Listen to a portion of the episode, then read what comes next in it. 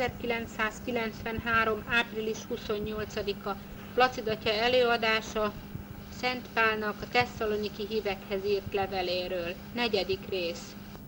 A Szentlélek nevében Amen. mindenható mennyei atyánk, te a Szentlélek fölvilágosításával tanítasz minket, gyermekeidet.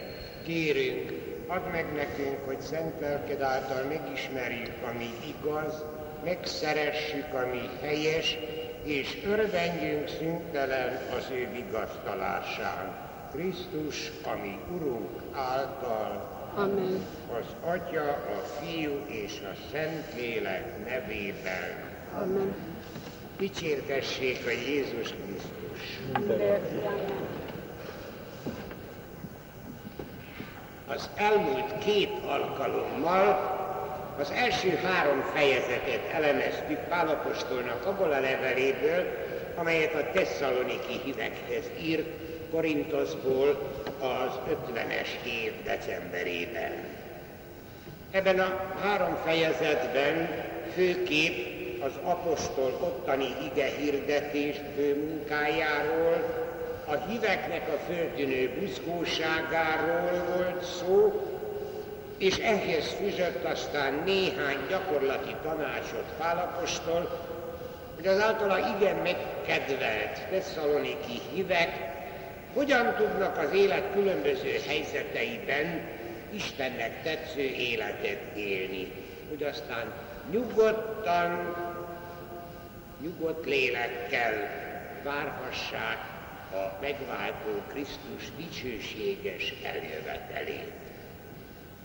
De Timóteus, aki a jó híreket hozta a tesszaloniki hívekről, alig hanem megemlítette, hogy közben néhányan meghaltak a, Korint, a tesszaloniki testvérek közül.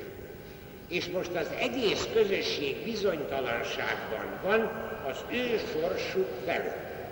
Hiszen ők nem várhatták meg a parúziát, Jézus második dicsőséges eljövetelét, ők nem találkozhattak a megdicsőült Krisztussal, hát mi lesz akkor ő velük? A következő sorokban ezt a kérdést iparkodik tisztázni az apostol levelének a negyedik fejezetében. Így ír. Az elhunytak sorsáról nem akarunk tájékozatlanságban hagyni benneteket. Nehogy úgy szomorkodjatok, mint a többiek, akiknek nincsen reménységük. Mi hisszük, hogy Jézus Krisztus meghalt és föltámad, de ugyanúgy hinnünk kell, hogy Isten vele együtt föltámasztja azokat is, akik Jézusban hunytak el. Az Úr tanítása alapján ugyanis azt mondjuk nektek, akik az Úr eljöveteléig életben maradnak, nem előzik meg az elhunytakat. Az isteni parancsszóra, a harsonák zengésére, a főangyal szólítására, akkor maga az Úr száll le a mennyből. Először a Krisztusban elhunytak támadnak föl mind, és csak azután ragadtatnak el a felhőkön az élők Krisztus elé, hogy az igazak mindörökre az Úrral legyenek mind. Ezzel a tanítással vigasztaljátok tehát egymást. Mivel Pálapostól aránylag rövid időt töltött Tesszalonikiben, hát érthető, hogy a tanításában maradtak hiányok. Bizonyára szólt Jézus Krisztus második dicsőséges eljöveteléről, hát ezt a levélből is lehet érteni, ami az egész világ előtt nyilvánvalóvá teszi mindenek fölötti ítélő hatalmát. Az apostoli ige hirdetésnek ez egyik nagyon kedvenc témája volt. Az időpontját azonban senki sem tudta, de annyira vágyódtak utána, hogy mindenképpen a közeljövőben remélték.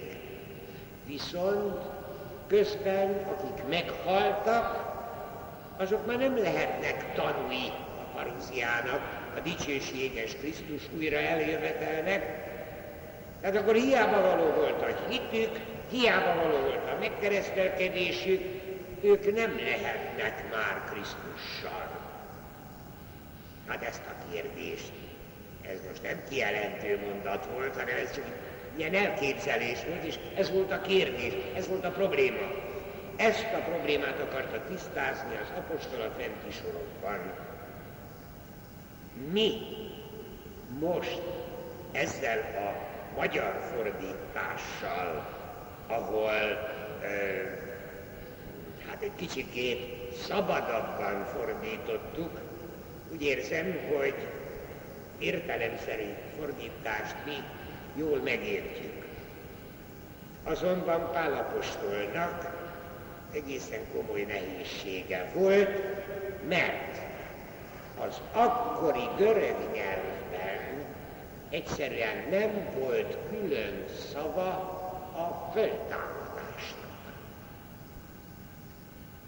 Fogalmuk se volt a föltámadásról. A görög nyelvnek nem volt a, későbbi leveleiben. Pálapostolnak világosan, szabatosan beszél föltámadásról, föltámasztásról, de itt, tehát 50-ben, még a görög nyelvnek nem volt ilyen szava, azért beszélünk fölemelésről, fölébresztésről, elragadásról, valamiképp próbálja kifejezni. Szóval őnek roppant nehéz volt, mi most már értelemszerűen föltámadásnak mondunk itt mindent, arról a nagy változásról van ebben a fogalomban, föltámadás fogalomban szó, mert szerint most nem olyan föltámasztásokról van szó, mint a Naimi ifjú, vagy Jairus leánya, vagy Lázárnak a föltámadása. Az egy vissza kerülése a földi életben. Itt a föltámadás, az örök életre való föltámadásról van szó, arról a nagy változásról, amikor az emberi test, tehát a halott, meghalt emberi test átszellemülten, tehát már romolhatatlan létmódjában újra egyesül az örökkévaló lélekkel. Mi ezt már olyan világosan értjük, amikor a közhasználóvá váló későbbi szót, a föltámadás szót alkalmazzuk ennek a kifejezésére. Az égből alászállt Krisztus előtt az addig élő minden ember, tehát, mint meghalt, megjelenik föltámadva. Az élők, az akkor még életben lévőknek is egy föltámadásra van szükségük. Mert ebben, ami mostani földi emberi létmódunkban, mi nem vagyunk képesek a örökké valóságra. Mi nem vagyunk képesek, hogy a dicsőségesen megjelenő Krisztus elé álljunk, és itt van az, amivel megvigasztalja Pálapostól azokat, akik meghaltak már, és azokat, akik még életben vannak. Mert az ég adta világon semmi különbség nem lesz a dicsőségesen megjelent Krisztus előtt. A meghaltak, azok föltámadnak, akik még életben vannak, azok is egy föltámadáson keresztül mennek, mert csak úgy találkozhatnak Krisztussal. Jézus eljövetelénél magánál az apostol egy kicsikét a hagyományos zsidó apokaliptikus stílusnak az eleme, elemeit használja, hát mi ezt Szent János jelenések könyvéből nagyon jól ismerjük. Hát itt a főangyal szava, meg az Isten harsonája, meg a felhőkön való eljövetel, hát ez mind az Isten hatalmát és dicsőségét akarja szemléltetni. A föltámadás és az örök élet viszont nem más, mint osztozás Istennek a dicsőségében. És erre ez a mi földi életünkben birtokló létmódunk erre nem alkalmas. De akik még életben vannak akkor, teszem föl, holnap eljön a világ vége, az Úr Jézus második eljövetele, és mi mindannyian életben vagyunk. Nekünk is át kell mennünk egy halálon és egy föltámadáson, mint az előttünk lévő milliószor, milliószor, milliárd embernek, aki szintén föltámadva kerül Krisztus elé, a megdicsőült Krisztus ítélete elé. Tehát abszolút semmi különbség nincs, semmiféle nehézség ebben a kérdésben, hogy valaki korábban hal meg, vagy későbben hal meg, nem lehetséges. Ezt tisztázta Pálapostól.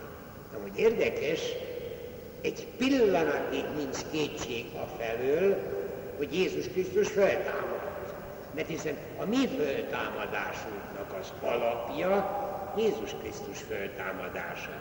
Tehát a Jézus Krisztus föltámadásáról egyszerűen nem lehet kételkedni. Pálapostól ezt nem engedi meg. Az annyira tény. Minden okunk megvan tehát arra, és minden Krisztus hívőnek megvan minden oka arra, hogy boldogan higgyen az ember föltámadásában. Érdekes viszont, ahogyan az apostol folytatja a gondolatot, és határozottan hangsúlyozza, hogy az Úr dicsőséges eljövetele a parúzia idejében mindenki a teljes bizonytalanságban van. Ez már a levélnek az ötödik fejezetének az elején, utolsó fejezetnek az elején így olvasható.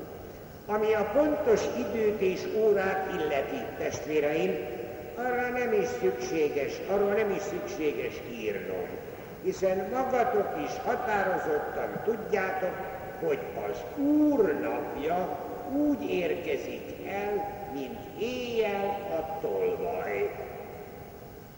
Éppen amikor azt mondogatják, békében és biztonságban vagyunk, akkor érheti őket a hirtelen pusztulás. De ti, testvéreim, nem jártok sötétségbe, hogy a nap, hogy az a nap tolvaj módjára lepjen meg benneteket, hiszen mindannyian a világosság és a nappal fiai vagytok.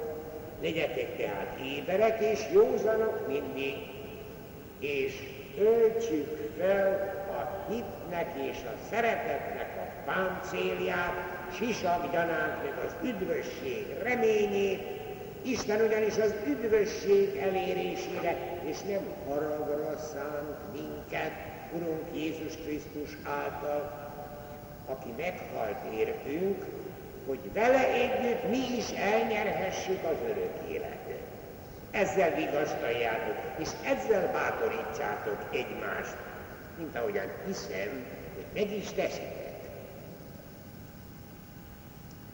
Krisztus maga is teljes bizonytalanságban hagyott bennünket a második eljövetelének ideje kérdésében, Hiába kérdezték, nem egyszer kérdezték tőle, nem adott erre választ. Annál erősebben hangoztatta ő is az állandó készenlétet, az állandó éberséget. Az időpontot tehát az apostol sem tudta megadni, nem tudta közölni. Viszont az Úr napja, amiről beszél, ez az Ószövetségnek egy szakkifejezése volt, amit itt olvasunk az első három sorban, az nagyon hasonlít ahhoz, ahogyan Krisztus is beszélt erről. Ő is beszélt arról, hogy tolvajként jön az Úr napja, teljesen váratlanul. Pontosan akkor, amikor olyan, olyan nagyon kényelmesen, olyan nagyon magabiztosan érezné magát az ember.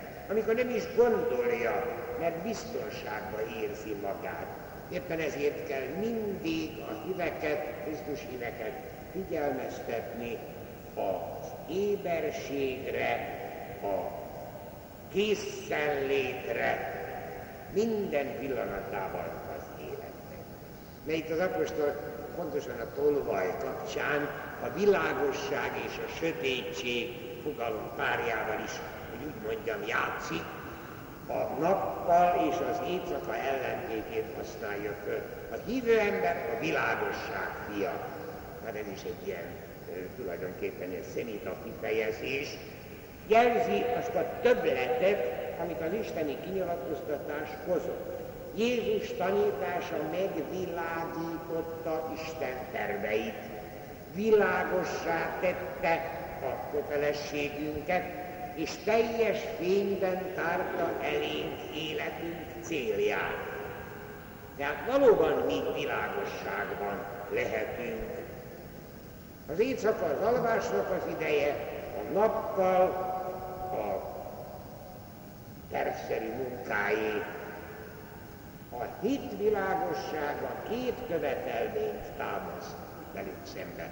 Először is legyünk józanok és éberek, aztán az iránta való viselkedésünket irányítsa a hit, a remény és a szeretet. Ezeket az erényeket Pálapostól a katona fegyverzetéhez hasonlítja, amely megvéd kísértésben. Pálapostól, szeret, Pálapostól szereti más leveleiben is a fegyverzet egyes részeiként beállítani az erényeket. Ugyanakkor ezek emelkedetté és lendületessé teszik a véletünket. A hit mutatja meg az utat, a remény sarkal a cél elérésére, és a szeretet a személyes kapcsolatot teremti meg az Istennel. Így valóban átéljük, hogy Isten Jézus Krisztus, ami megváltunk által nem a haragra szánt bennünket, hanem az üdvösségre, amelyet Krisztus biztosít. A keresztény élet tehát nem lehet más, csak az ő követése, és akkor vele együtt egészen biztosan elérjük a boldog örök életet. Hát ezért mondta Pálapostól, hogy ezekkel a gondolatokkal bátorítsátok, vigasztaljátok egymást. Ezek után, a tényleg vigasztaló és bátorító szavak után Pálapostól még néhány nagyon gyakorlati intelemmel folytatja levelét. Így. Kérlek titeket, testvérek, becsüljétek meg azokat, akik körötökben fáradoznak, vezetnek és intenek az Úrban. Munkájukért legyetek irántuk minél nagyobb szeretettel. Kérünk továbbá benneteket, testvérek, fedjétek meg a nyugtalanokat. Bátorítsátok a kislelkűeket, gondozzátok a betegeket, és tanúsítsatok mindenki iránt türelmet. Éljetek egymással békében, és ügyeljetek arra, hogy senki se fizessen rosszal a rosszért. Inkább törekedjetek mindig jót tenni egymással és mindenkivel. Legyetek mindig derűsek, imádkozzatok szüntelenül, Adjatok hálát mindenért, mert Isten megkívánja mindannyiunktól ezt Jézus Krisztusban. Ne oltsátok ki a lelkedből a szent lelket, a profétai beszédet ne vessétek meg, hanem vizsgáljátok fölül, és csak a jót tartsátok meg belőle. Mindenféle rossztól óvakodjatok a békesség Istene szenteljen meg benneteket, hogy tökéletesek legyetek. Ez őrizze meg szellemeteket, lelketeket és testeteket. Fedhetetlenül Urunk Jézus Krisztus eljöveteléig, aki meghívott titeket az üdvösségre, és az hűségesen meg is akarja bennetek valósítani egymás után felsorolja ezeket a ténylegesen gyakorlati intelmeket. Az első a sorozatban a közösség vezetőinek a megbecsülése, sőt, szeretete. Ez a legrégibb írásos utalás arra, hogy a Pál által alapított Krisztusi közösségeknek vezetőjük van. Mégpedig olyan vezetője, aki az Úrban gyakorolja tisztjét. Tehát itt nem világi előjáróról van szó, hanem olyanokról, akik Krisztus szellemében, az ő megbízásából, a tőle kapott hatalommal és kegyelemmel, tehát felszentelten működnek. A velük való kapcsolat tehát nem egyszerűen jogi kötelék, hanem a szeretetnek is ki kell fejeződnie benne. Aztán a béke és az egység, hát az állandó témája minden szentpáli levélenek. Ebből következik, hogy a nyughatatlanokat le kell inteni. Itt most nem mondja közelről, közelebbről, hogy kiket ért a nyughatatlanoknak, lehet, hogy a parúziát nagyon sietetni akarókat, de lehet, hogy csak általánosságban mondja, mint ahogyan a többit is általánosságban mondja, hogy erősítsétek a gyenge hitűeket, gondozzátok a betegeiteket, türelemmel viseljétek el a nehézségeket. De külön kiemeli, hogy a Krisztusi lelkületük abban nyilvánuljon meg, hogy a rosszért se fizessenek rosszal. Inkább tegyenek jót mindenkivel. Ugye emlékezünk az úgy, és azt mondta, hogy a régiek szemet személyet fogad fogét, ti azonban ne. Hát a rosszért se rosszal, hanem jót tegyenek mindenkivel. Aztán, ami szintén az egy kedvenc témája Pálapostolnak, egy a sereglevelében szerepel, legyetek derűsek. Sokszor szerepel ez leveleiben, a megigazulás és a remény alapján igazán minden joguk megvan a Krisztus hívőknek, hogy minden körülmények között örvendjenek.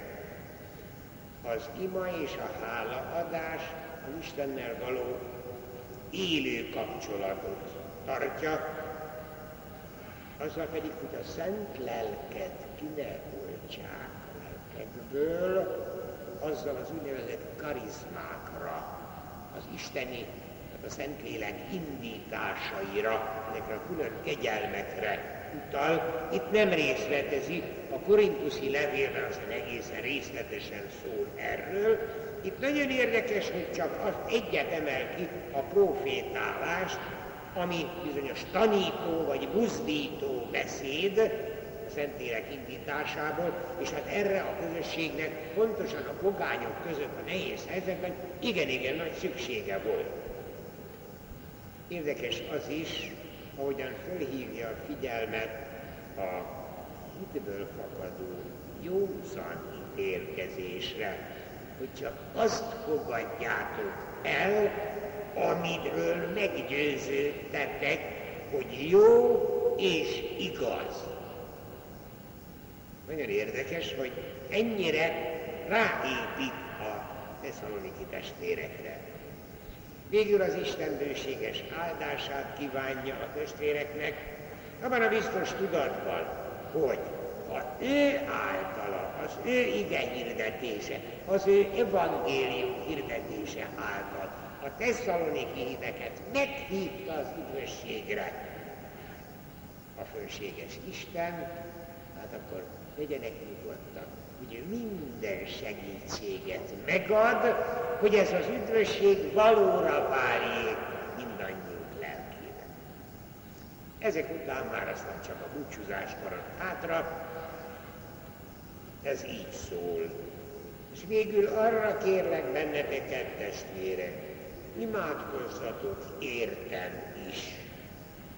Köszöntsetek minden testvér nevemben, szent csókkal, és ezt a levelet olvassátok fel minden testvér előtt. Ezt az Úr nevében mondom most nektek. Legyen veletek mindig, ami Urunk Jézus Krisztus kegyelme. Tehát az imájukat kéri az apostol, és a kenyértörésnél, tehát az utolsó vacsora megjelenítését, és ezzel kapcsolatos Isten tiszteletüknél szokásos szent öleléssel, szent csókkal akarja köszönteni mindannyiukat, abban azonban az apostoli tudata benne van, hogy levelének a tartalmát mindenki előtt olvassák föl. De azért szerény, mert azt mondja, ezt nem ő kívánja, hanem ezt az Úr kívánja.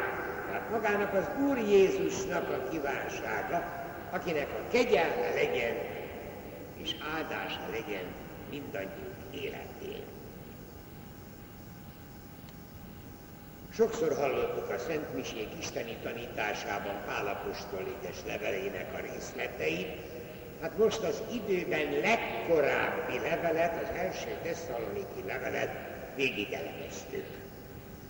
Tudjuk, hogy a levél alig 20 évvel Jézus föltámadása után íródott, és az új szövetségi szentírásnak a legkorábban keletkezett része.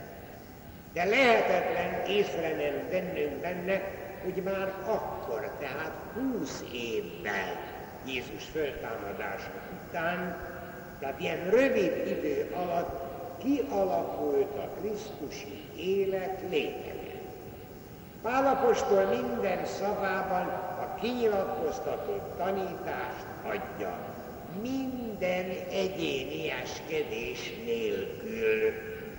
És bármennyire szereti a tesszaloniki testvéreket, a szeretet melegével, a legszemélyesebb kapcsolattal is nem magához, hanem Krisztushoz akarja kapcsolni a híveket, minél szorosabban, és az egész közösséget természetesen. Nem szabad azonban csodálkoznunk azon, ha ebben a pogányvárosban, Tesszaloniki az pogányváros volt, a pogány szokások között hát nem sikerült azonnal, és nem mehetett zökkenő nélkül a Krisztusi közösségnek az élete sem. Pálapostól szavait sem értették meg mindig pontosan. És most ennek a első tesszaloniki levélnek egyes részeit sem értették meg, mire magyarázták. És amikor erről az apostol tudomást szerzett, úgy döntött, hogy egy újabb levéllel tisztázza ezeket a félreértéseket, ezeket az újabb félreértéseket. Különösen azokat, amelyek a parúziát, Jézus újra eljövetelét érinti. Alig telt el tehát három hónap, amikor az ötvenes évnek az elején egy újabb levelet küldött a tesszalonikiaiaknak. Ez a második tesszaloniki levél, engedjék meg, hogy ebbe majd jövő szerdán kezdjünk bele, addig is Isten bőséges húsvéti áldása kísérjen minden lépésünkben. Áldjon meg bennünket a mindenható Isten, az Atya, a Fiú és a Szent Lélek. Dicsértessék a Jézus Krisztus. Mindörökké 1993. május 5-e Placidatja előadás sorozata Szent Pálnak a tesszaloniki hívekhez írt második leveléről. Első rész. Katekézis 31. rész. Tesszaloniki hívekhez írt első levele nem csak az új szövetségi szentírásnak a legkorábbi könyve, hanem magának az apostolnak is az első ilyen levele. Tudjuk, hogy ő tulajdonképpen kizárólag a szóbeli igehirdetésnek az embere volt, mélységes hitből fakadó lelkes szavai ragadták magukkal a hallgatóságot mindenütt, ahol csak megfordult. A levél az egészen más. Emlékeznek rá, hogy szóltam már róla, hogy hát annak bizony a hosszadalmas lediktálása, meg a keserves leírása nem is volt olyan könnyű dolog. De rövidesen magának Pálnak is tapasztalnia kellett, hogy ez az első levele magán viseli a gyakorlatlanságnak a gyengéit. Jó hiszeműen, de nem magyarázott meg benne mindent világosan, úgy, mint ahogyan élő szóban meg tudott magyarázni mindent.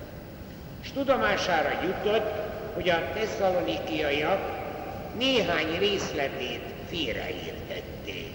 Néhány kitételét tévesen értelmezték, mintha ő egyetértene azokkal, akik a tesszalonikiak között bizonyos látomásokra, meg többi apostolok nyilatkozataira hivatkozva azt hirdették, hogy Jézus második eljövetele már itt van a küszöbön.